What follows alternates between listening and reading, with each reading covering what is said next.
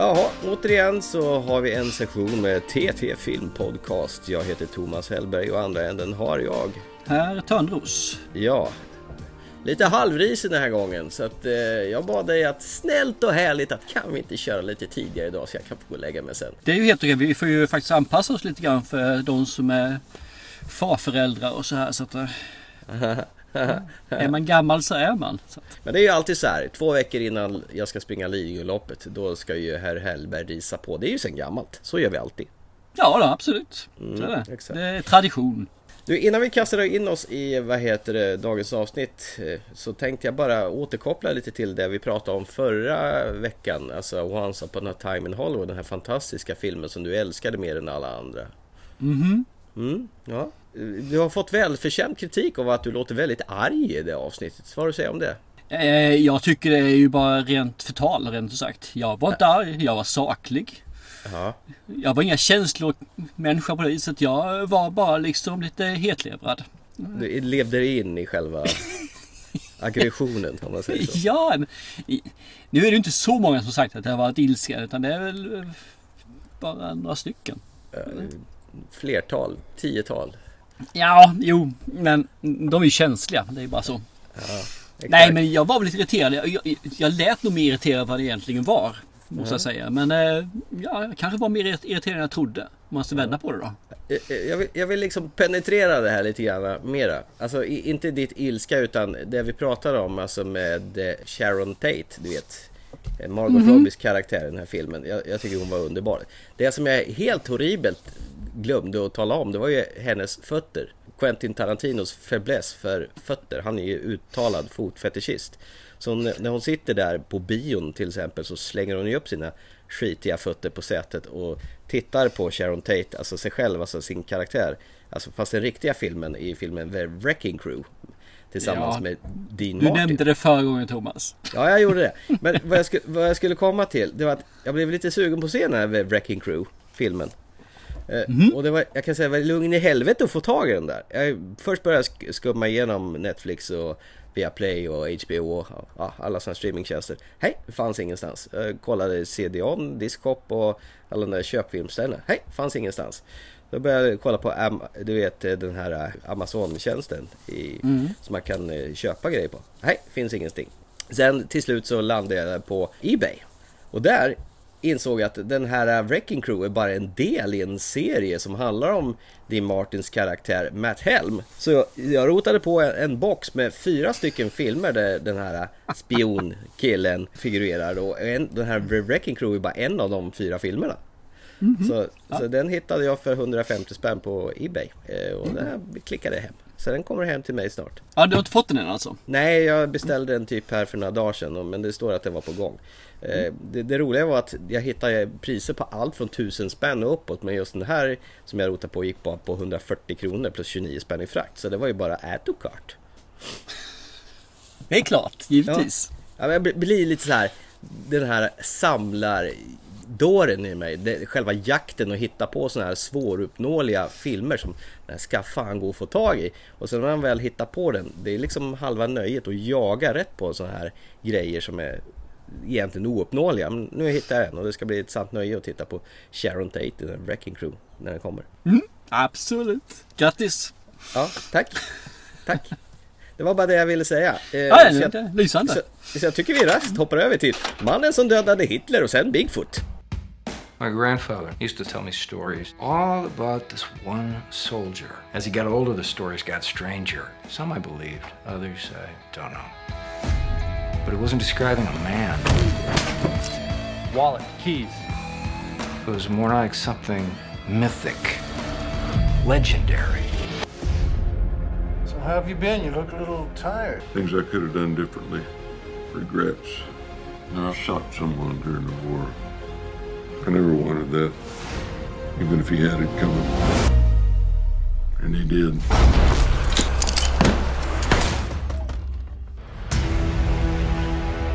Wow, vilken segway där alltså. Ja, det var ingen segway, det var bara rakt in i, i den här konstiga filmen. För det är väl ungefär vad det är, rakt in i en konstig film. Berätta, gärna. Jag kan börja med att säga att den här filmen för första är ju en sån där film som inte har en handling. Utan det är ju egentligen bara vi lär känna en karaktär.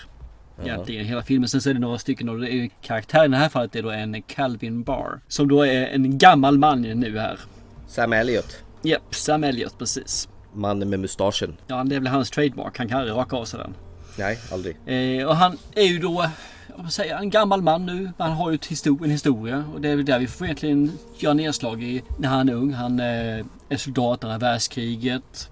Han eh, blir kär i en tjej. Så vidare och så vidare liksom. Så det är egentligen de nedslagen. Och sen lite grann då som händer i nutiden också då. Vad ska man säga? Han har ju varit en spionaktig sak när började världskriget och har då dödat en man där som han inte är så värst, eh, ja vad ska man säga, stolt över. Och han har då en förlorad kärlek som eh, man inte heller får reda på egentligen varför förrän lite senare vad som hände mellan de två. Det är alltså man nystar upp hans liv allt eftersom i filmen. Eh, det som händer idag, om man säger så, i nutid är egentligen underordnat ser jag utan det är de här nedslagen som egentligen är väsentliga och det som är röda tråden i hela filmen. Och de vill jag inte berätta för mycket om för då berättar jag för mycket om filmen. Mm. Sen- Sen kan vi i sig säga att eh, filmens titel eh, hintar lite om vad den handlar om.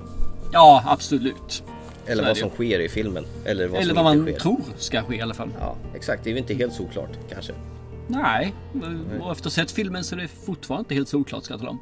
Till att börja med, är du en big fan av Sam Elliot? Jag tycker han gör sina roller som han gör eh, som är hans trademark, gör han bra. Jag tycker liksom han, han har den här erfarna killen som går in. Oftast är han inte huvudrollsinnehavare utan han är då en, en birollsinnehavare. Vilket han oftast gör bra för att stötta upp. Nu sist som jag sett honom är ju liksom Star is Born. Ja, det var ju bra.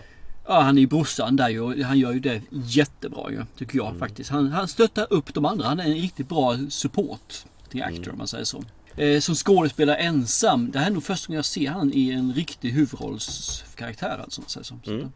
Men eh, jag tycker om honom, det gör jag. Han är charmig, det går liksom inte, han har ett utseende som gör att man tycker om honom med en gång. Han är en riktig mysgubbe han ju. Han är en lugn och trygg mysgubbe. Ja, Eh, det är han. Och jag är väldigt glad att, att det finns text på hans filmer för han är väldigt mumlig under sin mustasch där. Aha, det har jag inte ont av faktiskt. Inte har. Nej, jag, jag hör ju knappt vad folk säger på svenska så att det här är ju... Ja men det är väl sådär ålderssyndrom va? Va? Vad sa farbror? Nej men eh, seriöst alltså, jag har svårt för liksom när det mumlas och sen eh, oftast när det är lite sån här sydstatsdialekt som han gärna har i sina filmer. Men eh, jag håller med, jag tycker Sam Elliot, speciellt i den här, utstrålar en värme och en trygg människa som har fått gått igenom både det ena och det andra då. Ja men han är, han är ju en kille som mitt under plan som stöttar skulle kunna resa sig upp och säga liksom Det är lugnt. Ni behöver inte vara rädda för någonting. Bara ta det lugnt. Se klart på filmen. Prata med era nära och kära. Och sen så fixar det sig. Och alla skulle tro på honom.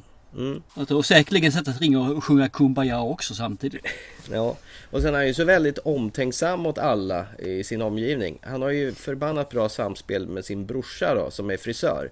Som han går och klipper sig med jämna mellanrum. Och sen, eh, ja, omtänksam. Han till exempel, bara en sån bagatellgrej som inte jag tycker är någon spoiler. Han hittar en, en sån här trisslott eller man ska säga och så går han in till den lokala affären och säger Vem, eh, vet du vems den här är? Nej. Men det är ju 100 dollars vinst på. Ja men det är inte min. Jag har hittat den men det tillhör inte mig. Så du kan ju behålla den här några dagar så kan ju du ta vinsten ifall du och ingen kommer och lägger, säger att det är jag som har vunnit den här. Så Men att han- principfast. Lite grann som är här en man som heter Ove. Mm.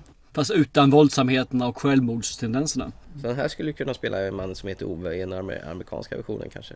Ja, det ska de fixa. Det tror jag också. Fast nu blir det Tom Hanks istället. Och det vet jag fan om jag tycker om riktigt. Mm, vi får se. Jag tror han kan fixa det också faktiskt. Men brorsan tycker jag det är kul att han dök in där också, Larry Miller. Ja, Han är ju känd mer som en bastard jämt. Han är ju en rektor eller sådana här saker. Eller som i Pretty Woman så är han ju den här giriga kumpanen. det är ett sånt där ansikte som jag har sett massor på olika ställen men jag kan inte placera någonstans. Ja, okej. Ja, han är med i mycket sådana alltså. Det är... Men oftast är han en birollsinnehavare som... Ja, rektor gör han väldigt ofta faktiskt. Ja. eh, Jag tycker han är en bra bad guy. Han gjorde faktiskt ganska bra ifrån sig här också tycker jag. I den, den lugna dialog som fanns. Sen finns det ju ett kärleksintresse i den här filmen som han har, eh, som spelas av Kathleen Fitzgerald. Och det här är ju också en sån här kärlekshistoria som gör ont i kroppen, en sån här hopplös grej som aldrig kan bli av egentligen. Med tanke på hans yrke som spion. Ja, fast det är ju inte det. Han hade ju inte så mycket. Han ryckte ju egentligen in som Ja, som vanlig rekryt ju. Han är ju ingen uh, utbildad spion på det viset. Om ni tror att ni ska få se det så tycker jag att ta ut det med en gång för folk. Att det här är liksom en vanlig kille som då jobbar som spion under kriget. Nu ska jag inte missleda in er i fördärvet här. Nej, det tycker jag inte. Nej. Men din, din demens får du behålla för dig själv. Men det är ju inte Sam Elliot som håller på och springer runt och kuttig lurar kring henne. Utan det är ju hans yngre jag som spelar så Adrian Turner som ska spela Sam Elliot som yngre upplaga. När man får se. Eller Keely som ni känner igen honom från, från Hobbit-filmerna. Jaha du. Mm. Gud vad du vet saker. Ja men han känner man igen. Han är ju skitbra som eh, liten dvärg. Ja okej. Okay. Ja det var hänt. Ja, okay. Men det är som sagt, som, som titeln eh, avslöjar, The Man Who Killed Hitler Van Bigfoot. Alltså den tar ju tvära kast. Man vet ju inte var någonstans den här filmen ska ta vägen. För när jag satt med och tittade på den här filmen så visste jag faktiskt inte alls vad den handlade om. Jag visste inte ett smack. Varken om det var en komedi eller om det var en action, drama eller vad det var för någonting. Min kära tjej hade lätt på och fått ett hum om det och hade godkänt att den här kan jag testa och se. Så när man sätter sig på det här så tänkte jag okej, okay, den här titeln kan omöjligtvis vara sann. Att han dödar både Hitler och Bigfoot. Så för mig så tänkte jag det här har något annat med i titeln mm. än vad det egentligen är. Mm. Och den är rätt intressant. Sådär. Så jag ska inte avslöja vilket som är sant eller falskt faktiskt. För det får man också se och mm. Eh, uppleva genom filmen. Vad jag ska säga är att jag tyckte att det här, trots att den hanterar konstiga och brutala ämnen och, och det är tvära kast fram och tillbaka i tiden, så tyckte jag det här var en mysig och eh, en eh, rätt så skön, härlig, välmående liten filmupplevelse faktiskt.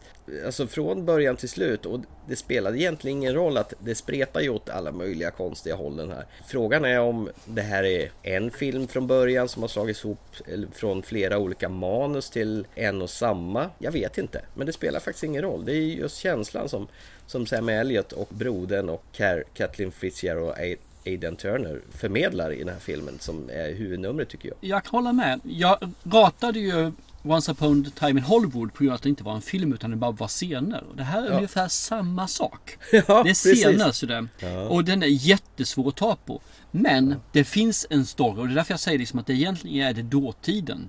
Och där finns det en story. Det finns faktiskt en röd tråd, det finns en väg framåt. Även om man hoppar i, i de olika scenarierna. Det kan vara tidigt, det kan vara sent, det kan vara ja, vad som helst i tidsloopen. Att man får vara ganska så observant när man ser på den. Var är jag nu någonstans? Som du säger, ja, det är en mysig film. Eh, ja, det är... Den berör i vissa avseenden. Det gör den alltså. Men den är svår. Mm. Den är ofantligt svår den här filmen. Det, jag kan säga liksom, den ligger här som adventure, drama och sci-fi på IMDB. Adventure, nej. Drama, ja. Sci-fi, nej. Komedi, ja, lite grann faktiskt. Att de inte fick med den. För det finns en del underfundigheter tycker jag som är mm. lite småkul som man fnittrar till. Vill de beröra mig på ett djupare plan så lyckas de inte. För jag, jag hade aldrig en enda tår i ögat under den här filmen. Däremot berörde de mig mer med vad fasen är det jag tittar på? Ja. För jag fick aldrig kläm på filmen och så har jag funderat lite grann på den efteråt nu. Känslan är fortfarande att det, det är en okej okay film. Det är ingen jättebra film. Det är en okej okay film. Det är ingen mm. dålig film. Det är en okej okay film. Däremot så är ju slutet horribelt egoistiskt dåligt. För den förstod inte jag varför den skulle vara med där överhuvudtaget på något vis måste man kanske klämma in det. Ja, men du får väl gå som din vanliga hy hypotes där att du bommar de sista tio minuterna av filmen så är det allting frid och fröjd. Någonting sånt där får man kanske göra. Ja, jag kan hålla med om. Slutet var fruktansvärt onödigt. Det har man kunnat liksom stannat av en bra stund innan. Ja. Men eh, det är en skinande härlig Sam Elliot som fan tycker jag briljerar i den här filmen faktiskt. Jo men jag Han... tror på honom, det är det.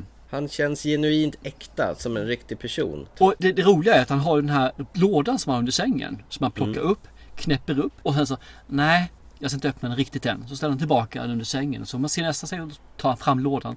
Tittar på den, sätter den i knät. Och så pratar han med sin hund lite grann och säger nej, inte idag heller. Kanske imorgon. Man är ju kopiöst nyfiken på vad finns det i den där lådan? Han har någon grej med, med sina skor också som han eh, bitvis håller på när han är ute och knallar. Ja, något, hela tiden ja. Något jävla irriterande i högerskon som inte vill mm. det. Det, det är när man liksom implementerar sådana här små små detaljer i filmen som man tänker efter. Här är ju någon som har egentligen tänkt till också. Det, det är allt för ofta i film de bara gasar på utan att liksom bara kasta in såna här små grejer. Jag tänker på en helt, apropå det, en scen ur första filmen Die Hard. När Bruce Willis har flygit från... Du menar tårna eller? Ja, från New York till Los Angeles och hans, eller han som sitter bredvid honom på flyget säger Det är avstressande att krama med tårna på en sån här mjuk, ruggig matta. Det är skitavstressande.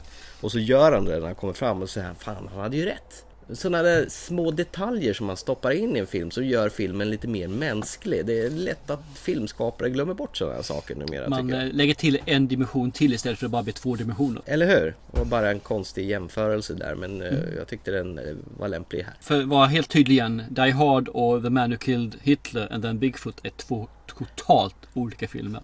Ja.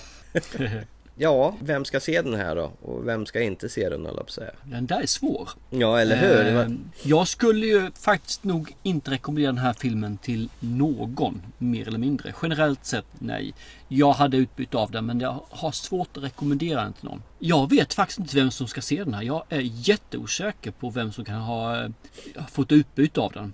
För jag, är, jag är fortfarande osäker på om jag fick det. Nej, jag passar på den faktiskt. Jag tyckte filmen var eh, OK.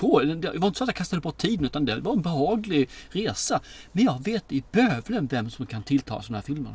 Jag passar. Ja, Okej. Ja, jag är väl benägen att hålla med dig för att det är ett virvar av allt möjligt hopkok här. Man ställer sig med frågan efteråt, som du sa, vad sjutton var det jag såg? Men ändå så tycker jag ändå att det är känslan som förmedlas genom filmen, är en varm skön känsla och vänskapen mellan två bröder samt en liten fin kärlekshistoria som, som ligger och puttrar i bakgrunden där. Samt några väldigt märkliga element i den här filmen gör att den blir väldigt over the top och annorlunda. Vi kanske ska vända på det istället för att säga vem utan mer säga när ska man se den här filmen istället. Och jag tror det är när man är ganska lugn till sinnet. Man ska vara harmonisk i sig själv när man tittar på den här. Ja. Och sätta sig ner och bara ha en varm kopp choklad med eh, vispgrädde och sjunka ner under en filt och glömma bort höstmörkret. Med lite marshmallows ovanpå. Ja, precis. Där tror jag det är mer. Det är nog mer den känslan du ska ha när du går in och tittar på den här filmen. För du ska känna att den ger någonting. Så det, ja, jag tror mer på den. Det, det gör jag.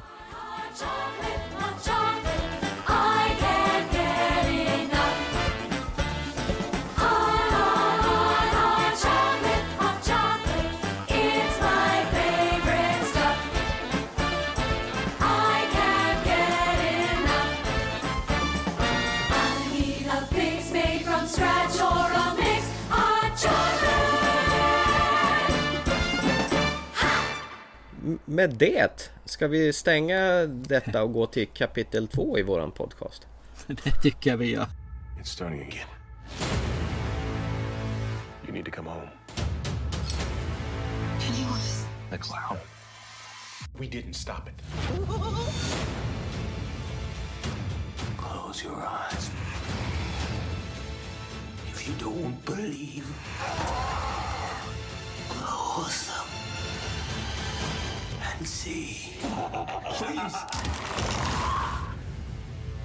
För två år sedan ungefär, måste det väl ändå varit, då var väl peppen alldeles superenorm när It kommer tillbaka till bioduken med Bill Skarsgård som förkroppsligar Tim Currys gamla paradroll som han gjorde i den här miniserien. Vad jag för mig så gjorde vi en sån här battle på den nya och gamla It-filmen slash serien. Eh. Som vi, som vi brukar göra och vi var rungande överens både du och jag och Hans-Åke Lilja att det här var ju faktiskt en väldigt lyckad filmatisering av eh, eh, Stephen Kings jättetegelsten till roman.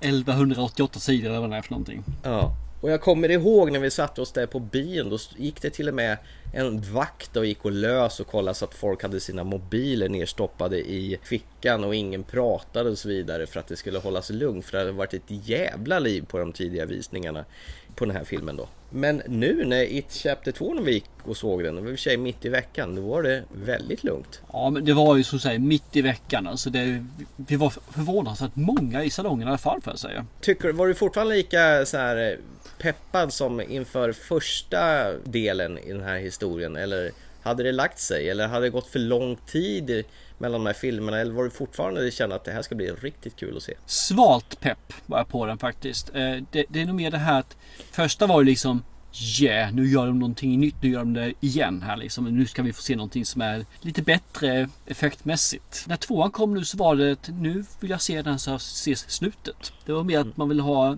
the end-skylten. Kände jag egentligen. Sen så såg man fortfarande fram med den som att man gör när man ska gå på bio. Det är ju alltid en trevlig upplevelse. Men eh, nej, det var inte jättepepp på den var det inte faktiskt. Så hur går man vidare när det kapitel 2 startar då? Ja, du börjar egentligen precis där boken kör. Det vill säga att eh, alla får bli uppringda av eh, Mark Hamilton, eller vad heter han för någonting? Mark Hamill heter han va? Mark Hamill, det är ju Luke Skywalker i Star Wars. Vad fasen heter Gud Nu är det helt stopp här. Vad, vad. Eh, Mike Handlon heter han för Berlin. Mike Handlon. Man blir uppringd av Mike Handel. Som säger att det har startat igen. Ni måste komma tillbaka. Ni svor ned. Ni lovade. De samlas där. De har ju vuxit upp. De har ju glömt allt det här. Och det är väl lite grann både ålder plus lite It's a kind of magic. Ooh. Som gör att de inte kan minnas när de kommer utanför det här området där. Derry då. Och när de kommer dit så börjar de minnas mer och de behöver då ta reda på egentligen vad var det som hände när vi besegrade det första gången. Ja, det här, i den här filmen som skiljer den första är ju att här får man ju följa de äldre människorna. Hur de har kommit dit och man får även tillbakablickar när de är barn. Vilket var ett problem visst hörde jag för de som spelade in. För det var ju några som hade visst åldrats ganska mycket på de här två åren. Skjutit i höjden och så vidare. Mm. Så gör att de fick ju digita- digitalt fyngra dem. Ja, det var det jag funderade på. Det är en av de här killarna som är med i Stranger Things. Och, och den säsongen kom ju här nu i somras och han, den, just den killen, jag vet inte nu vad han heter, men han, han ser ju fan så mycket äldre ut i Stranger Things än vad han gör i It Chapter 2. Ja, är det Finn Wolfhard du menar eller? Ja, exakt han ja. Han ser, Yes. han ser ju bra mycket yngre ut här än, än i Stranger Things 2. Det var, eller säsong 3. Det var det jag funderade på. Om de hade spelat in de här barnscenerna back to back med förra filmen eller hur sjutton de hade burit sig åt. Jag trodde ju med det från början men så läste jag på lite grann och nej, så är det inte. Utan det är att de har fått fyngra några stycken av dem med teknik, tekniskt alltså. Ja. Och det lyckas de ganska bra för det var inte något jag tänkte på under hela filmen faktiskt. Så det var jäkligt nice. Hur ska man bemöta den här då? Det här är ju lite svårt för det här är ju en del två av en gemensam helhetshistoria. Jag tror du ska bemöta den precis som det står. Chapter 2. 27 år senare. Jag tror det är bara så du kan bemöta den, inte på något annat sätt. Det är ingen uppföljare eller något sånt där utan det är andra delen av en film egentligen. Det första jag tänker på när jag ser den här filmen, det var ju det att förra filmen var ju väldigt, man fick ju hänga med de här kidsen alltså i, på, vad är det, 50, 50-talet, slutet av 50-talet. Det har gjort de inte alls. Det var 80-talet är det ju. De hade förflytt, originalhistorien är ju 50-talet och nu hade man förflyttat det till 80-talet. För det ska vara idag ska det vara 2019 de är ju egentligen. Exakt, och de är ganska tajta och de är den här Losers Club och blir trackade av, av de här lite gangsterkillarna. The Winners Club. Det var ju faktiskt rätt charmigt tyckte jag att följa de här gänget där och de var ju ganska tajta och hängde oftast tillsammans då. Och nu här 27 år senare så är det ju vuxna killar eh, och tjejer. Eller vuxna killar och en tjej då. Tjejen spelas av Jessica Chastain då som är Beverly. Eh, och sen har vi James McAvoy som är Bill då. Sen har de ju tagit in Bill Hader. En, han är ju en, gans, en stor komiker egentligen som spelar Richie då. Eh, det, det första jag tänker på att det var fan så mycket större kemi på barnen här i förra filmen än med de här vuxna. Tillsammans de, med de här vuxna så är det ju rätt så torrt och tråkigt egentligen. Men det ska nog vara det för de är ju främlingar för varandra. Det ska vara lite sådär avståndstagande, lite obekvämt. Vi gjorde någonting när vi var små nu. Eh, eh, vet vi inte riktigt var vi står någonstans längre. Nej men ändå så borde det liksom, det här är ju barn som har hängt med varandra i, i vått och torrt under... Jo, men de kommer ju inte ihåg det längre. De kommer ju fast inte ihåg att att de ens hade Losers Club. Allting sånt är ju bortraderat under hela deras uppväxt. Så att när Mike Handlon ringer så blir de ju påminna om att ja just det, det hände ju. Ja. Hela den här sommaren när de eh, det utspelar sig i ettan finns inte deras minne där. Det är liksom bortraderat och nu börjar de ju att få tillbaka minne allt eftersom. Så det är inte konstigt. De är egentligen med främlingar i den här gruppen. Så det kan inte vara den här kemin. Frågan är om det inte hade varit bättre ändå tycker jag om de hade gett fan i och casta alltså, kända skådespelare som James McAvoy och Jessica Chastain. För James McAvoy känns ju en som här som brukar ha en ledande roll och hon ska bära en film. Nu är han ju en, en del av gänget. Det känns inte som varken de här två, Jessica eller James, har får så jävla mycket att jobba med tycker jag. Faktiskt. Nej, fast det är ju egentligen bara de två som är riktigt kända skådespelare. Ja, och Bill, Bill Hader, Hader, har, ja, men Bill Hader är ju med en komiker som varit i Saturday Night Live och lite mer sånt där. Men det är inte några jättestora han har gjort heller. Isaiah Mustafa som är Mike Handlon är ju inte heller någon stor skådespelare och har gjort mycket. Ben Hanson, Jay, Ray, Jay Ryan har ju inte heller gjort någonting. Så alla utom de här två. Han ser ut som en sån här såpaskådis hämtad Mm. från Glamour eller Days of Our Lives och sånt där. Han är, så här, Han är ju eh, riktigt skuren ut granitblock ja, det är han. Ja, eller hur? Så med, med sån här stel, biffig haka som han Ridge i Glamour, tänker jag på. Ja, ja. Och han är ju beat, han är med i Beat Beauty and the Beast. Han är ju med ju. Jaha, okej. Han ska ju vara den här killen som heter Ben, han som var trackad och lite lätt överviktig när han var liten. Och nu har han ju bantat ner sig och är, är sån här riktigt en hank har blivit. Vet du om det var- så i boken också? Ja, det är så i boken också. Okej. Han är Ja. vältränad och hela köret så att... eh, Jag, jag, känner liksom att fan kunde inte han fått fortsätta vara lite proffsig i vuxen ålder som en vanlig normal 40-åring? Ja men då hade ju inte Beverly velat vara tillsammans med han ju. Va, varför det? Är hon ytlig eller? det är klart hon är. Hon går bara efter det yttre. Ja, ja, Jäv- absolut. Jävla Beverly Skank. Det är antingen det eller du har en hjärta av, eller en plånbok med guld eller just det, så var det. Det är det man har att välja på. Ja. Det som skiljer också tycker jag från den här och förra filmen, det är, det är som jag sagt, det var ju väldigt mycket gruppdynamik i första filmen. Att, att eh, de här kidsen hänger tillsammans då. I den här nya filmen så träffas de ju på någon Kina-restaurang och där känner jag väldigt väl igen från eh, den här miniserien. För scenerna är nästan identiska. De Mm. träffas på den här Kina-krogen då. Men sen på något vis så far de iväg var och en på sina egna små äventyr eller mardrömssekvenser då, att på varsitt håll. Så att de är egentligen inte tillsammans speciellt mycket egentligen. Det blir nästan lite så här Terror på Elm Street mardrömshistoria över det hela då, om du förstår vad jag menar. Ja, blir- men så är det ju i första filmen också. De upplever ju, ja, ja visst alltså. De upplever ju, all, alla de här blir ju kontaktade av Pennywise när de är själva. Mm. Fast de gör det då innan de har träffats som grupp. Det är ju först när de samlas som grupp de upptäcker att Pennywise har besökt alla, alla och en var. Jag menar, när Beverly blev utsatt för det med, med avloppet och hon är Mm. ensam. Varulven i källaren är en annan sak, hon var ensam. Biblioteket är en sak, hon var ensam. Så allting där är ju fortfarande ensamma som sätts ihop som grupp efteråt. Och här är samma sak, de är ute ensamma för att uppleva och konfrontera Pennywise då ju. Då är det ju samma film en gång till fast i vuxet Det tillstånd. är ungefär samma film och det är det som är meningen ju med, med boken tror jag också och den här filmen. Det är ju liksom att du kommer tillbaka och gör upp med dina inre demoner i, från ungdomen. De måste göra det på e- egen hand, vissa av de här sakerna. Allting kan man inte göra i grupp. Nej, men, ja, jag tycker ju första filmen var bra. Ehm, när jag såg om den så var den mindre bra. Den var fortfarande OK. Men Ja, den du har sett om den? jag har sett om den, fast inte, nu- inte närtid. utan Jag har sett om den med mina barn. Den överlevde en omtittning men inte att den var samma nivå som första titeln. Så, så är det tyvärr. Mm. Och den här är ju en omtittning till egentligen på första filmen. Mm. Ish, om du förstår vad jag menar. Det är ju ungefär, Ja, ja. För det bygger ungefär på samma sätt. Så jag. jag tycker den här håller också. Den är inte alls lika bra som när jag såg det kapitel 1 första gången. Den tyckte jag var jättebra.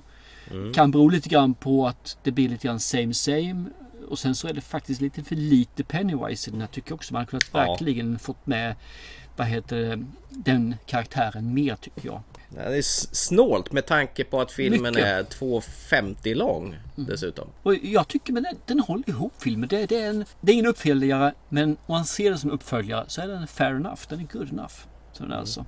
Eh, Jag mådde inte illa av filmen att den var så lång som den var. Jag hade inga bekymmer där. Vilket innebär att det kan inte vara en kassfilm. Eh, Jag tycker däremot återigen att slutet kunde man med de här tekniker man har idag gjort bättre. Man kunde följt eh, kanske boken lite mer, var lite mer kreativ i det fallet. Istället för att göra som de gjorde för det blev löjligt. Ja, man det blev tv-spel av det hela, eller Ja, hur? lite grann där. Ja. För, och sen ska man säga en sak till. Och det är ju att de har ju lyckats jättebra med specialeffekterna i vissa fall. Och i andra fall så är det jättedåligt. Alltså det är horribelt dåligt. Katastrof alltså. Ja, så det, det är väldigt olika så det är alltså. Jag tycker den här filmen var helt okej. Jag kan säga det med en gång. Jag tycker den här var värd att se. Jag tycker den fortfarande. Jag har varit inte besviken på den. Jag har varit inte extatisk eller på den. Men den, den fyller sin uppgift. Det, det jag tycker är lite inkonsekvens med den här och den förra filmen. Förra filmen är ju barnen rätt och slätt. I den här filmen så är det ju de vuxna vi ska följa men ändå så stoppar vi ju in eh, scener med barnen igen. Eh, Alltså nya scener som jag tycker ändå känns lite efterkonstruerade. De är ute och jagar olika Nej. speciella... Det är så i boken också. Är det så? Ja. Okej. Eh, för, för det handlar om att de har glömt bort vissa delar som inte finns med i första boken. Eller Mm. första delen då om man säger så. Nu, nu säger jag första boken för när jag läste det så tror jag det var två böcker men det upp i två. Det som hände i första filmen har inte visats vid alla saker som gjordes under den sommaren och det är den som de petar in här nu i, eh, i del två, kapitel två. Okej, och jag tycker det känns som det blir efterkonstruerat för nu har vi liksom avhandlat boy, eller barnen i första filmen, nu ska vi träffa vuxna. Men tänkte Och du en- inte på det att det inte var samma sekvenser man såg, man fick se nya sekvenser? Jo, absolut, det tänkte jag också. Men då känner, kändes det un, ungefär som att nu lyckas vi efterkonstruera det som har hänt. Fast det är inte så. Följ boken rätt bra gjort faktiskt i de- avseendena. Jag kände att tack och lov så var det med sådana sekvenser. För jag tyckte det var så vansinnigt tråkigt med bara se de vuxna. Hade det varit. För, för jag Ja, tycker att de är storpiga och tråkiga.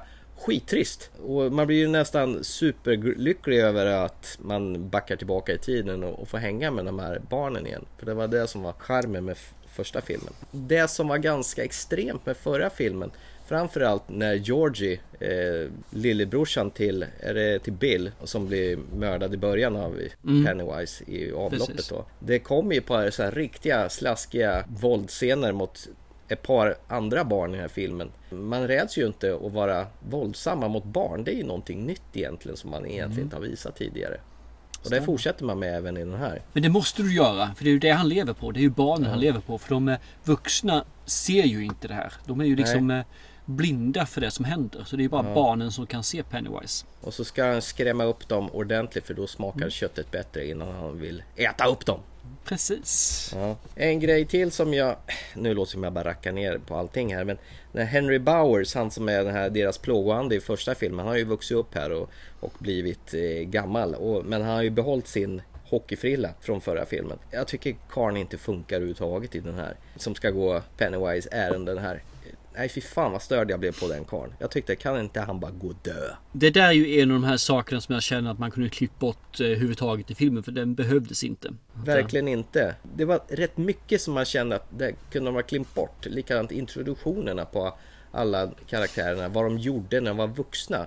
De hade ju bara kunnat samlats vid den här Kina-krogen. Nej, det håller jag inte med om. Jag tycker dock tycker faktiskt man skulle varit lite mer detaljerat. Det behöver inte vara längre, men mer detaljerat. För att det är det här med att eh, man får en förklaring till varför de blev de personer de blev som vuxna. De be- behandlade eller var vissa typer av människor när de var barn och sen så blev de som vuxna. Jag tror man skulle knutit ihop barn, vuxen relationen mellan dem då på ett bättre sätt. För det, det hade jag uppskattat för då hade man också varit lite mer trogen boken i det här fallet. För där har man detta också. Man får följa med. Varför blev, inte Ben Hanlon dock, utan vad hette han nu för någonting? Ben Hansom hette han ju. Ben Hansom, han som blev eh, byggare. Då får man följa honom varför han blev smal, varför han blev det här och han arbetade vidare. Han skulle uppåt då. Och så man fick en förklaring till varför de är de personerna som vuxna. Och det hade varit kul tycker jag. Man hade blivit ännu längre kanske. Ja, men det hade inte behövt bli man kunde gjort på annat sätt tror jag. Man kunde ha valt vissa andra saker. Och sen kunde Eh. man kanske ha tagit bort en del saker i filmen också som inte förde filmen framåt. Det som är bäst med den här filmen, det är liksom när man får se de här korta, snabba sekvenserna. Inte när det skjuter på med stora kanoner med CGI-fästen. Det är alldeles för mycket sån här CGI dataanimeringar vilket gör att skräckfilmen blir ingen skräckfilm utan det blir bara någon jävla tv-spelsraffel tycker jag. Jag tycker det är bäst när Pennywise är i Bill Skarsgårds skepnad då när, man, när han sitter och dreglar lite grann och ser lite allmänt äcklig ut. Men sen när han förvandlas till diverse olika otyg Eh, nej, fy fan vilket tv-spel det här blir då. Man skulle ha sparat ner på det där lite grann och bara kanske gjort det lite mer nedtonat. Det hade varit bättre. Jag kan hålla med om det till merparten i alla fall. Jag Ja. tror nog att jag accepterar nog CGI mer än vad du gör i den här filmen. För det är svårt att göra den här filmen utan att ha en, en viss typ av CGI-fest. Men de lyckades ju ändå göra det den här tv-serien som kom på 89 med lite smärre, me- mindre medel. Ja, ja absolut. Men du gjorde ju The Thing också utan några CGI. Ja, Så att jag skulle göra den idag skulle det ju inte vara CGI utan det skulle vara CGI ju. För det går inte att göra det på samma nivå. Eller också är man jäv- jävligt mycket duktigare att göra med proteser och så här snygga animatronics och sådana effekter. Ja, och då, då sticker budgeten iväg något kopiöst. Men de fick väl, jag menar den första Det-filmen, det var ju det mest inkomstbringande skräckfilm någonsin som har gjorts. Så då borde de väl kunna pumpa in pengar så man har kunnat gjort det på så vis istället. Men då är ju frågan varför? Därför att då hade jag blivit nöjd. Precis. Jag tycker det ändå liksom att det är mycket så här, de här scenerna som när de råkar ut för Pennywise, och det staplas på varann. Jag tycker liksom inte att det för handlingen framåt utan de förlitar sig alldeles för mycket på de här hoppa till effekterna och chockeffekterna. Och det, här har du en scen med den personen och här har du en scen med den personen. Det byggs bara på, på ett torn tycker jag. Det för inte filmen framåt, den står och stampar. Och problemet som jag har mest med det är att filmen är ju inte ett jävla dugg läskig. Tyckte du den var otäck någonstans? Ja, Det fanns några scener som jag ryckte till på faktiskt. Ja, rycka till ja, men för övrigt då? Förmedlar en, en otäck, ja men vänta läskig lite. känsla? Hur, hur ofta blir du rädd för den här typen av skräckfilm som det här faktiskt är? Ja, det finns vissa filmer som man kan känna att håren ryser sig på armarna. Säg någon film då som är i den här genren. Som ni gör det. Nu kommer jag inte på någon bara för det. För jag är ju den här typen av genre. För det är ju fortfarande en ungdomsskräckis. Ja, Och då ska det vara en viss typ. Det finns liksom ingen av de här mer eller mindre som jag blir rädd för. Det är utan jump scarens som man rycker till för och tycker det, det är hjärthoppar till. Men det finns ingen film vad jag vet, inte ens bland de äldre filmerna som jag blir rädd för i dagsläget. Eh, man blir rädd för de här de gamla Jason-filmerna och sånt när man var ung. Men det var ju för att det var ju liksom så kopiöst fantastiskt skräckinjagande då. Idag är det ju rätt så skrattretande liksom. Vi tyckte Lammen tystnad var en eh, thriller utan omättliga mått. Ja men det är ju fan barnprogram idag som är värre. Det, det, det, vi är inte rädda för sånt här. Våra barn är absolut inte rädda för det här. De är ute efter jump scares och de är. Och det är det den här levererar. Men jag tycker det är lite för lätt flörtande att göra så. Ja, fast det är inte du som ska se den här filmen helt, helt och hållet. Så att, det- utan det är ju ungdomar. Jag vill ha den här obehagliga stämningen. Du ska få den här frågan igen så och så ska du få fundera på den. Säg någon film i den här genren som du har blivit rädd för. Du ska fundera på den. Då ska du komma tillbaka senare i programmet eller nästa program. Då ber jag att få återkomma till nästa program. Ja, det ska du få göra. Absolut. För Ja. Jag tror att du kammar mer eller mindre noll. Okej, det tror du. Mm. Eh, Det tror du. Mhm. det Ja, det ja. tror du? Nu jävlar. Ska, Ska, ska, du det få... vara på, ska, ska det vara på det viset? Så? Ja. Nu ska inte jag hypa den här filmen och försvara den fullt ut. För den har många brister. Det har den alltså. ja, framförallt slutet. Det var ett jävla haveri. Ja, slutet är ju helt... Men det var ju faktiskt... Slutet i första filmen var ju skitdåligt också. Det här är ju tre snäpp värre. Och jag bara tänka på den här gamla tv-serien hur, hur de hade gjort med det de kunde då. Det var fan bättre för det var inte så här jävla plastigt och överdrivet. Vill jag spela ett tv-spel då kan jag spela Resident Evil 7 eller något sånt där. Och det blir jag fan räddare av än att sitta och kolla på den här filmen. Ha? Shoot. Ja, ja. Eh, En, en fråga bara, du som har läst boken. Det bör, ju med filmen med ett homosexuellt par som är på ett tivoli. De känns inte som någon sån här tonåringar eller barn överhuvudtaget som, Nej, som Pennywise. Den är ju jättefel sådär där. För de är ju ungdomar. De är ju för gamla för att Pennywise ens ska tycka att det är Ja. värt mödan. Känner jag Ja. i alla fall. Så nej. Och den var inte med i boken vad jag kan minnas heller. Eh, eh, Nu får eh, Hasse spy på mig här men jag har inte det minnet. Att det, det fanns med ett sånt par. Det känns inte det helt jävla malplacerat att starta filmen på så vis? Fast det var en ganska bra scen tycker jag faktiskt i alla fall. Den var ganska stark tycker jag med hur de blev behandlade och så här. Jag blev faktiskt lite eh, obehagligt emots. Ja, härligt. Ja. Men, Nej, men om, inte på det viset men... ja. Nej men om jag ska gå tillbaka till det vi började med att vi gjorde ett battle förra gången då med första filmen versus tv-serien. Hade det varit battle nu idag då hade jag lätt satt eh, tv-seriens andra del eller som helhet som vinnare i den här striden. För jag tyckte den här filmen var så ruttet dålig. Jag säger väl som du sa. Nej, I don't wanna be buried in Derry. Eller vad fan du sa. Jag får ursäkta. Ja. Fan vad dåligt. Nej, fy fan. Vil- Vilken påse skit det här var. Det märkte du nog på mig när vi, när vi gick ur bion också. Jag satt Ja, du var ganska besviken så du var Ja. absolut. Det du sa liksom om, om Once upon a time in Hollywood, alltså två timmar och 45 minuter bortkastad tid. Det här var ju precis lika bortkastad tid, eh, tycker jag, som du tyckte den andra filmen var. Utdraget, segt, ja, och sättet de avslutar filmen på. Nej, spypåse nära till hands. Men då Crap. kan jag ju säga samma sak som du sagt när jag har dragit det här med, med filmer som jag tycker illa om. De har faktiskt har 7,0 på IMDB. Ja, men det hjälper ju inte mig, för jag tycker fortfarande inte om det. De har ju fel. Men du, en liten fotnot då. Eh, Jag lyssnade faktiskt på Softpodden prata om den här. Steffo, han hade velat haft Amy Adams i Beveleys roll istället för Jessica Chastain. För att hon var lik, eh, lite mer Sofia Lillis, alltså den unga skådisen. Och Han har ju faktiskt ganska rätt, för att det gick, går ju en finns ju en tv-serie på HBO som heter Sharp Objects. Där Amy Adams spelar en eh, journalist som kommer hem till sin hemstad och där det har hänt lite hemska mord som hon börjar nysta i och, ska börja rota i. Då. Och sen får man se lite sådana här bakåtscener när hon var ung. Och då är det ju faktiskt Sofia Lillis som spelar henne, det vill säga hon som spelar den unga Beverly i It. Så att helt jävla fel hade han ju inte där, för de är ju tydligen lika tyckte någon annan där, i och med att de castade de två i samma serie. Ja, sen kan man faktiskt säga så här. Att eh, alla barnskådespelare fick faktiskt frågan. Vem skulle du vilja att vi hade som vux, du som vuxen? Och då sa faktiskt eh, Sofia Lillis, Jessica Chastain. Okej. Så det var hennes önskemål. Eh, Finn Wolfhard sa Bill Hader. Vilket också blev den blev ju. Så att de hade, fick de som de sa. De andra fick inte det så jag behöver inte gå in på det mer. Men eftersom då, vad heter Sofia Lillis sa, Jessica Chastain, så borde hon ju, tycker jag, ha ett ord i laget där. Så jag, jag tycker att hon gjorde ett bra val. Jag tycker helt klart att Jessica Chastain gjorde ett bra jobb. Så jag tycker du och Steff hade fel, fel, fel, fel. Ja, men de figurerar ju i en annan serie där de spelar samma karaktär som ung och gammal. Spelar roll, det är fortfarande fel, fel, fel, fel, fel. Ja, så var det med det. Okej. Nej men eh, då kan vi ju enas om att den här filmen var riktigt dålig. Det var nog fan den största besvikelsen i år faktiskt. Det kan du enas om, helt klart. Men jag håller inte med. Jag tycker den här helt klart har sin plats.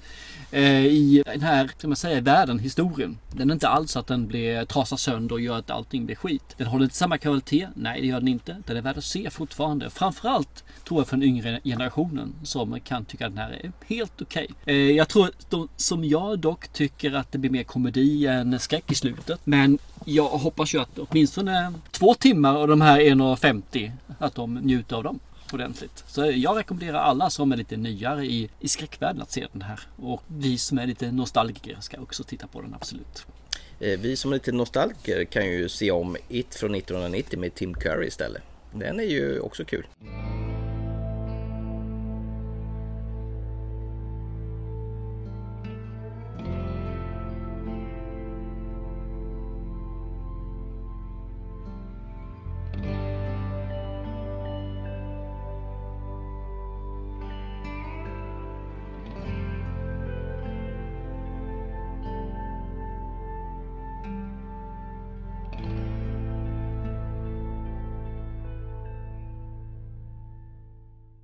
Nu kan vi gå vidare. Och det här är ju kul faktiskt. Vi har ju under ja, flera gånger fått chansen att prata om film som kommer från, ja vad ska jag säga, de som inte ligger mitt i smeten som har gjort massa filmer utan har kanske gjort det här som en av sina första filmer. Alltså nya regissörer, svenska regissörer ska jag säga också, som gör svensk film av hjärtat för att de vill, inte förtjäna pengar och eh, verkligen brinner för det de gör. Och nu har vi fått chansen igen. Ja. Med en film som heter Draug. Min vän ledde en missionär på norrstigen mot Hälsingland för någon vecka sedan. De kom aldrig fram. Var är de? Slog ni ihjäl dem?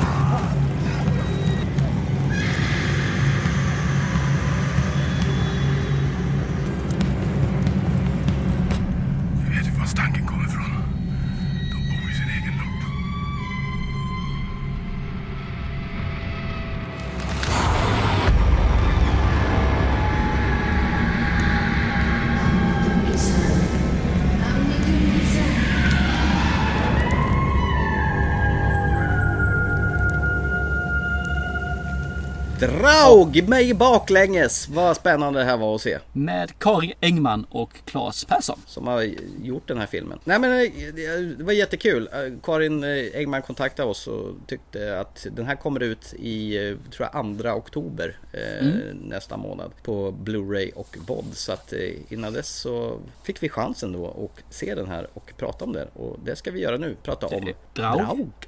Som betyder? Ja, vad betyder Draug? Det betyder egentligen, om man tar det rent översatt så är det egentligen gengångare eller ett spöke med kropp. Alltså en fast spöke med fast form. Men gengångare är väl ganska bra. Men de har lite andra, det här är så fornnordisk eh, mytologisk varelse. De har lite andra, de är superstarka, de är snabba, de kan ändra form, eh, storlek och sådana saker då. Och de är egentligen vålnader. Oftast så vaktar de eh, sin grav och sina rikedomar som ligger där i eller något liknande. Och kommer in på deras domän så, ja då ligger man pyrt till. Så Draugen. Hur kommer det här Draugen in i historien i Hälsingland? Äntligen! Hälsingland på riktigt! På riktigt precis. På tusentalets Hälsingland dessutom. Ja, det man kan säga är väl Sverige har väl mer eller mindre kristnats. Så vi tror på vitekrist. Det är väl så här att ett följe med just den här jag vet inte om det är präster eller munkar eller vad är, men vi säger präster säger vi. Något form av missionärsfölje. Precis, har då gått och försvunnit uppe i Hälsingland. I deras skogarna där. I Så de skickar ut gäng från hirden, ko- konungshird. för att Leta rätt på att se var de är någonstans eller vad som har hänt med dem. Och längs med vägen så samlar de på sig ett större följe, vi säger så då, som ska hjälpa till i den här missionet. Bland annat en ölälskande Kettil. Precis, som är ganska brutal i sitt beteende. Han gillar öl. Samtidigt så är den här skogen väldigt känd för att det finns banditer här också som överfaller och lever lite utanför lagen då. Så att eh, det är ju frågan vem, vad eller hur egentligen är det som har hänt. Något är glömt? Du har väl glömt Nanna? Hon som har varit med om någonting traumatiskt som barn då. Och så har hon, bär hon på en nyckel som inte riktigt vet vart den passar någonstans. Men hon har ändå en sån här slags små fragment som dyker upp då och då som skakar upp henne. Som hintar om hennes förflutna. Hon eh, rider ju tillsammans med eh, Hakon då som vill ta med henne på det här uppdraget då. Och de kommer ju till en by då och frågar om någon har sett det här missionärsföljet.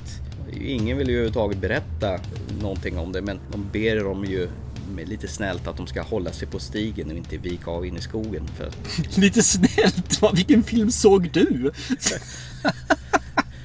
De bad hon lite udda kan du säga va? Li- lite, lite udda vis säger man att håll er på stigen och gå inte in i skogen. Ett Påminner lite grann om Mörkerskogen i Sagan om ringen där. Ja, verkligen. Det är väl egentligen grundpremissen för, för den här eh, filmen. För det första så är ju Sverige väldigt vackert i den här filmen. Skogarna kring Hälsingland där. Ödemården som det så fint heter. Jag tycker de lyckas jättebra med miljöerna också. eh, Med kläder och såna här saker. Jag tycker det kändes verkligen som man var tillbaka i Ja, det är väldigt mycket så detaljer för svärd, sköldar, alltså det de har på sig. Det ser väldigt genuint ut. Ja, inte bara utan du har även byggnader sånt tycker jag såg riktigt nice ut också. Utan att vara någon professor i ämnet.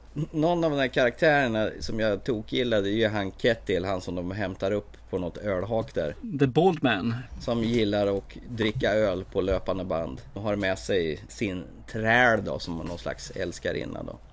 Han spelas ju av Thomas Hedengren. Han har ju faktiskt varit med lite i allt möjligt. Allt från Hamilton, Hassel och Borg-filmen. Han spelar faktiskt Lennart Hyland bland annat. Stämmer. I Borg var det va? Förlåt? Det var i Borg han spelade Lennart Hynold va? Ja precis, i filmen Björn Borg ja. Tycker han är en härlig karaktär, en sån här riktigt, riktigt arsel som man ändå gillar trots att han är ganska svinig av sig. Ja, han eh, säger vad han tycker och känner om vi säger så då. Och så gillar han öl också. Ja då, absolut. Och minnas gamla saker från förr. Jag menar, snygg, fin, intim sak som man återigen förundras vad man kan göra med en god portion vilja, fantasi och med små medel. Pluset som jag ser på den riktigt så, det är faktiskt musiken. De lyckades få till den riktigt psykedeliskt. Man eh, spände sig faktiskt när man lyssnar på den. Jag tycker de lyckas verkligen att fånga upp stämningen som de vill skapa. Inte bara när det ska vara den här, när det blir hemskt, utan även när det ska vara liksom transportmusik. När de träffas så blir det, de eh, komponerar ihop den väldigt bra med att hur ska jag som tittare känna när jag ser filmen? Och hur ska jag, vilja, ska jag uppleva den här situationen? Och de eh, får till det ruggigt bra genom hela filmen måste jag säga. Så att, eh, me like. Eh, det negativa man ska ta det med en gång då, är- så det är ju att jag har jättesvårt att höra vad de säger för något i den här filmen. Ljudnivån på rösterna är väldigt låg och eh, lite, eh, vad ska jag säga, lite, det blir svårt att urskilja orden ibland alltså. Och då såg jag det med engelsk text i det här fallet som var då fast. Vi såg man var tvungen att ha engelsk text. Och det, det blev nästan ett måste ha den och ibland så tyvärr så stör den engelska texten med det svenska språket. Så det hade jag det största bekymret. Så ibland hade jag svårt att hänga med faktiskt för att jag inte hörde vad de sa. Det är väl mitt enda minus också det här. Det var faktiskt det jag skulle komma till. Att, Men det är väldigt dialektal på vissa av skådespelarna då. Det pratas en gammelsvenska som jag har svårt att hänga med i. Men som tack och lov så fanns det ju undertexter på det hela. Jag, menar, jag, jag såg ju för några år sedan med min sambo den här snapphanen när de är nere i Skåne och härjar runt. När de pratar på någon så här grötig skånska. Jag hörde ju inte vad de sa så jag var ju tvungen att sätta på textspåret och min sambo bara skrattade åt mig tyckte det är ju helt sanslös. Så att jag har ju jättesvårt att höra vad folk säger överlag. Så om det inte är vanlig ren rikssvenska. Det spelar ingen större roll egentligen. För det finns ett stort fett plus till faktiskt. Och det, det är intressant att jag säger det. Och det är draugerna. Ja, jävla snygga de är. Och de rör ju sig på ett så kopiöst, snyggt, äckligt, slingrande sätt. Jag, eh, I like, jag tyckte om det. Det blev verkligen så. De som spelade Draug i den här filmen, de ska ha all heder och credit. Ni gjorde ett fruktansvärt bra rörelsemönster. Och sen så har man då klippt ihop det på ett bra sätt också givetvis. Men det är inte enbart kan jag tänka mig dem. I like it. Om vi, om vi ska gå från förra filmen It Chapter 2 som jag tyckte var totalt oskräckaktig och oläskig. Så var den här filmen sju resor otäckare. Det här var fan otäckt på riktigt. Fast det är inte Ja. samma typ av film. Nej, det är det nog inte. Men det är skräckfilm, skräckfilm. Hallå. Det här fick mig att tänka på den här filmen The Witch. Kommer du ihåg den filmen som vi såg på en skräckfilmskväll? Ja, fast jag håller inte med. Nej, nej, jag- jag tycker ändå att de lyckas förmedla känslan på lite samma vis. Att du är någonstans ute i utkanten av en skog, du har ett hot som rör sig i mörkret. Det var lite där jag vill nå, att kvaliteterna finns där. Trots att den här filmen har mycket lägre budget och är gjort i Sverige. Jag blir så himla glad varje gång någon på ett sånt här berättar sätt med små medel bara skakar om en. Det, det fanns dessutom en scen när de kampar, nu ska jag inte spoila någonting här, men de, de kampar för natten där och det rör sig i skuggorna såna här drauger och scenen därefter, fy fan, det var så håren reste sig på armarna.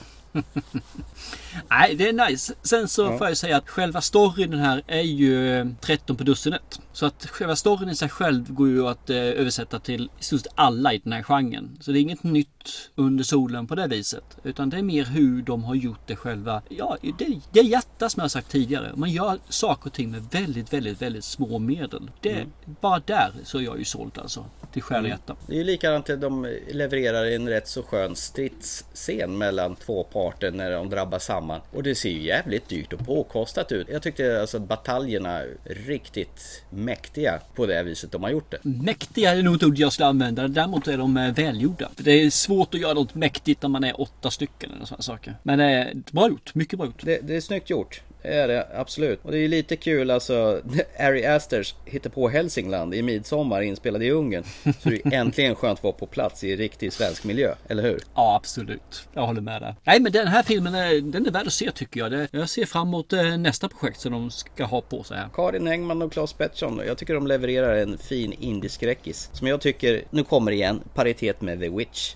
Och jag gillar ju den också jättemycket. Eh, Jag tycker det är svinkul när filmfolk med stor skaparglädje mycket inspiration lyckas göra en liten film som känns stor med små medel. Och så ska vi säga att filmen kommer på VOD och Blu-ray den 2 oktober. Håller ögonen ute efter det. Draug. Och jag tycker det är kul att vi använder faktiskt mytologi som kommer just från Norden här. Så eh, bara det tycker jag är plus. Mums filibabba.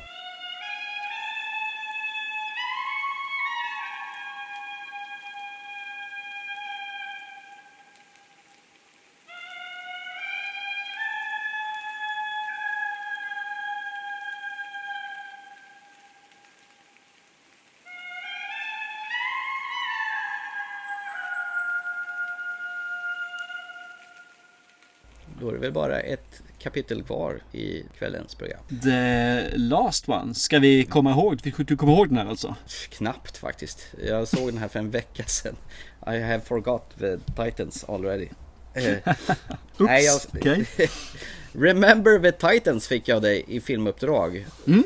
En film från 2000 faktiskt. Så den är 19 år gammal det här. Så du gav mig en gammal film. You smiling? Yes. Why are you smiling? Ball's fun. Fun, sir. Fun, sir. It's fun.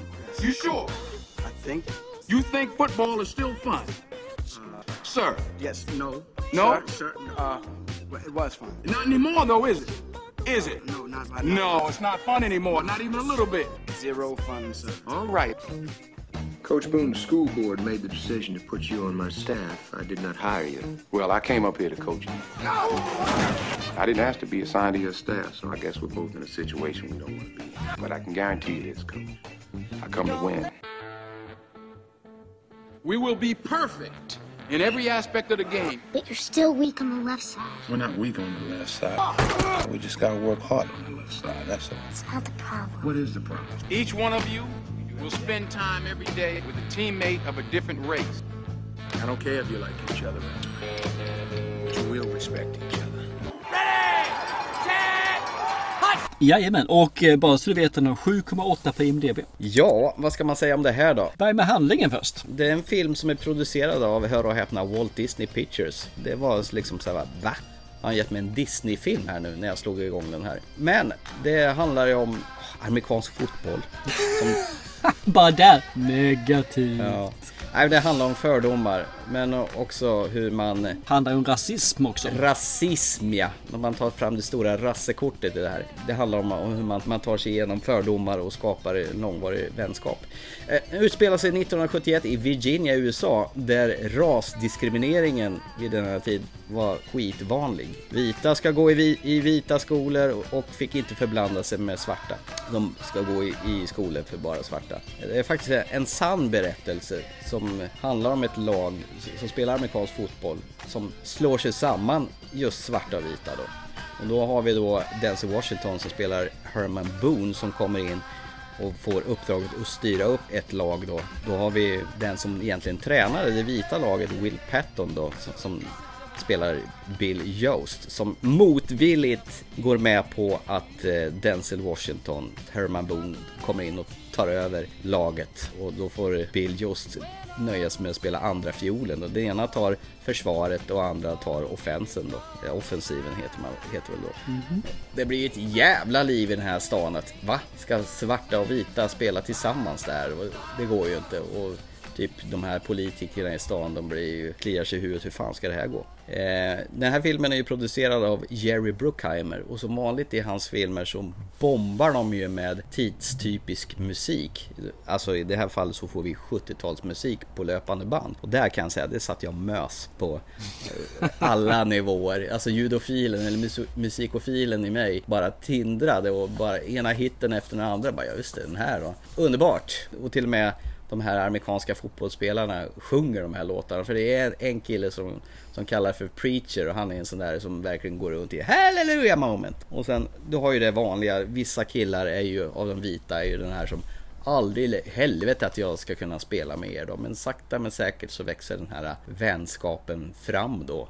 Som Denzel Washingtons karaktär skickar ju hela laget på någon slags Eh, läger för att de ska lära känna varandra. Och de får inte, svart och vit ska sitta med varandra i, bredvid varandra i bussen och de ska liksom fråga om varandra så de tar reda på allt om varandra för att, för att liksom lära känna varandra. Det kan ju bli lätt smetigt och kletigt här. Men ändå så tycker jag nog ändå att de lyckas få en balans i, i det hela som gör så att det funkar faktiskt. Sen så kanske man drar det till ytterligheter att någon ska ju råka ut för en sån här riktig praktskada för att inte kunna, en av de här toppspelarna i det amerikanska fotbollslaget för att inte kunna spela igen. Och då för man ju tankarna typ till filmer som Top Gun och no, likadant han Goes i Mavericks partner i, som han flyger med råkar ju, han, han dör ju till och med i den här filmen. Att det ska bli något så här traumatiskt, att någon ska bli skadad för att skaka om i handlingen. Och det tycker jag inte riktigt hade behövts egentligen. Mm. Och sen kan jag inte förstå det här att när man spelar de här amerikanska fotbollsmatcherna mot de här lagen, att man trycker på sån här riktigt tuff actionmusik som det vore värsta actionsekvenser. Att,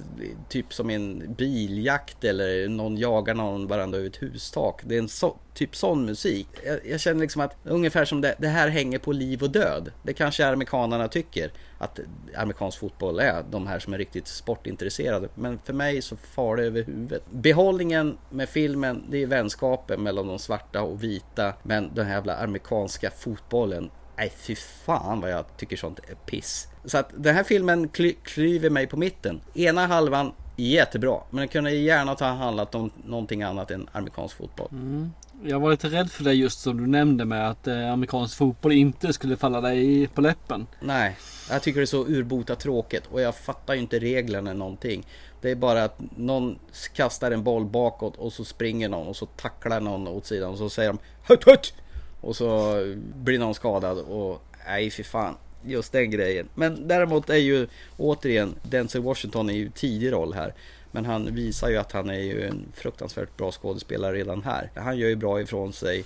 Will Patton gör bra ifrån sig. Alla de här andra skådisarna som är med. Man hittar även den här killen som spelar med i eh, tv-serien, den här komediserien, vad fan heter den? Scrubs heter den ju. Den här mörka killen som är är stående inslag i Scrubs. Nu kommer jag inte ihåg vad han heter. Tittar inte du mycket på Scrubs för? Jo. Han är, han heter väl Donald Fashion tror jag. Den skådisen. Ja men det kan nog stämma det. Ja, precis. Det, han finns ju med. Och sen hittar vi ju eh, Ryan Gosling i en jättetidig roll. Det var ju kul Mm. att se.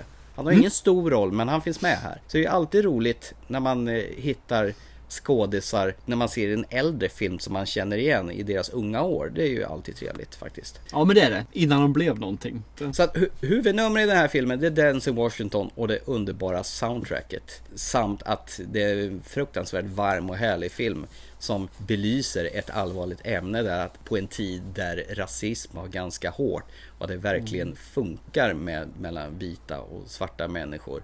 Nu är det ju en självklarhet men då var det ju inte det. Men det är ju ett ständigt återkommande aktuellt ämne. Absolut. Så, så, jag, så jag vet inte vad jag ska säga om jag... Jag hamnar på någon sån här mittemellan-läger här. Jag, jag kan inte säga att det här är dåligt, jag kan inte säga att det här är jättebra. Det hamnar på någon sån här neutral tyckande från min sida den här gången. Okej. Lite mellanmjölk alltså. Ja, faktiskt. Men jag är glad att jag sett den, för den här har jag någonstans varit nosa på för bra många år sedan. Och jag vet att du har pratat om den där och du har pratat rätt varmt om den här filmen. Så Jag nu tycker kom- om den. Jag tycker om det här dramat. Jag tycker om det här som du nämnde med vänskapen Mm. som växer upp. Och jag tycker om den här slit, slitningarna som finns i, i södern. USA Mm. den här tidpunkten. Den berörde mig. Jag tyckte det var nice alltså. Men när jag såg den här, det är rätt länge sedan jag såg den här. Så, så inte om den nu ska jag känna. gjorde jag faktiskt inte. Dramat är helt okej. Han komponerar till ett jättebra soundtrack. Eh, men den amerikanska fotbollen, nej tack. Den står jag Fast den är ju en bisyssla tycker jag i den här filmen. Ja, fast det är ju en stor del. Att över vad, ska vi säga 50% av filmen så är de ute på fältet och springer och pucklar på varandra. Det är så pass mycket alltså. Ja, det är jättemycket. Är det. Så att Man det kommer ihåg det man vill komma ihåg. Ja, du, har- du har nog förträngt det där. Du gillar inte heller amerikansk fotboll. Jag, jag tycker om det. Jag älskar amerikansk fotboll. Va? Ja, det är fantastiskt det är intressant sport. Eh, det är reglerna ska du förstå varför. Ja, Okej, ja ja. Säger du det så. Vem ska se filmen då? Är, det, är den värd att se i så här 19 år senare? Eh, ja, det, det är den väl. Alltså det, det får mig liksom att drömma mig tillbaka till den här fantastiska Jerry Bruckheimer-eran. Jag tycker det produceras väldigt härlig film då. Med Verocco Conair, eh, Face-Off, alla de där eh, filmerna. Jag tyckte de var fantastiskt underhållande.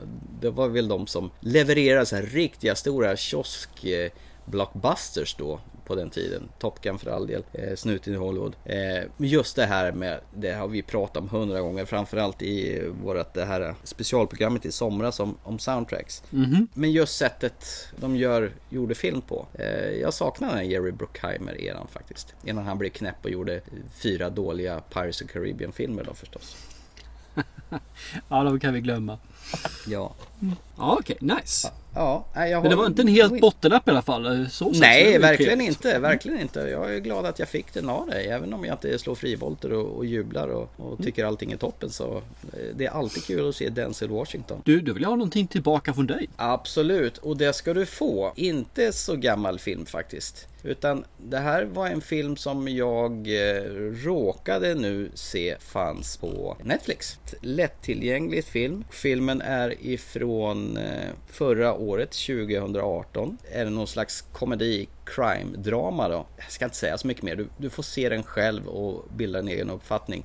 Filmen heter Blind Spotting. Den är lättillgänglig på Netflix, en timme och 35 minuter. Eh, se den och återkom vad du tycker. Blind spotting. Inte Trainspotting utan Blind Spotting. Absolut. Den Mm. är eh, tagen. Så att den här gången behöver du inte hyra någonting på de här obskyra ställena som SS Anytime eller eh, Google Play eller någonting sånt. Utan det är bara kasta det rakt ner i Netflix. Men i och för sig vad, vad jag har hört så har ju du övergivit den tjänsten och bara eh, frotterar dig på Amazon Prime numera. Ja, fy fasen vad mycket gott det finns där. Jo. Ja, American Gods säsong 2. The Boys. eh, Jack Ja. Ryan kommer snart säsong 2. Sagan om ringen-serien. Ja, Jack. Reacher kommer snart. Och fan. Man kan ju tro att du får, betalt för att, att sälja in den här tjänsten. Eller var det jag som fick betalt Du tyckte om American Gods. Det har Ja, gått svinbra. två år sedan drygt som jag såg den där alltså. Och jag tänkte det. Tog emot lite, skravde lite grann. Så satte jag igång första avsnittet. Ja, Ah, jag är tillbaka. you're back. Ja, sista avsnittet håller inte riktigt måttet. Resten av serien är super fortfarande. Nice. Ja men det, det, det ska verkligen... Du, kommer den ut på släpp, sen skivsläpp här så ska du helt klart se den. För den är Mm. verkligen värd att bekanta sig med igen. Har du börjat prata om den omtalade anti-superhjälteserien med Boys då? Jag har inte sett den än. Den Nej. ligger på eh, listan. till- Jag vet inte. mm, Plötsligt ligga och suger på den fortfarande. Så här lite mysigt. Eh, Så att, Ja. mm, Jag- den kommer. Jag har fått för mig att den ska vara väldigt, väldigt, väldigt, väldigt, väldigt, väldigt, väldigt, väldigt bra. Ja, men jag har med fått för mig det och jag har sett trailersarna, vilket jag har gjort. Mm. Så känns det verkligen som det är någonting jag ska se. Fan, det låter ju som man måste skaffa den här tjänsten alltså. Det tycker jag.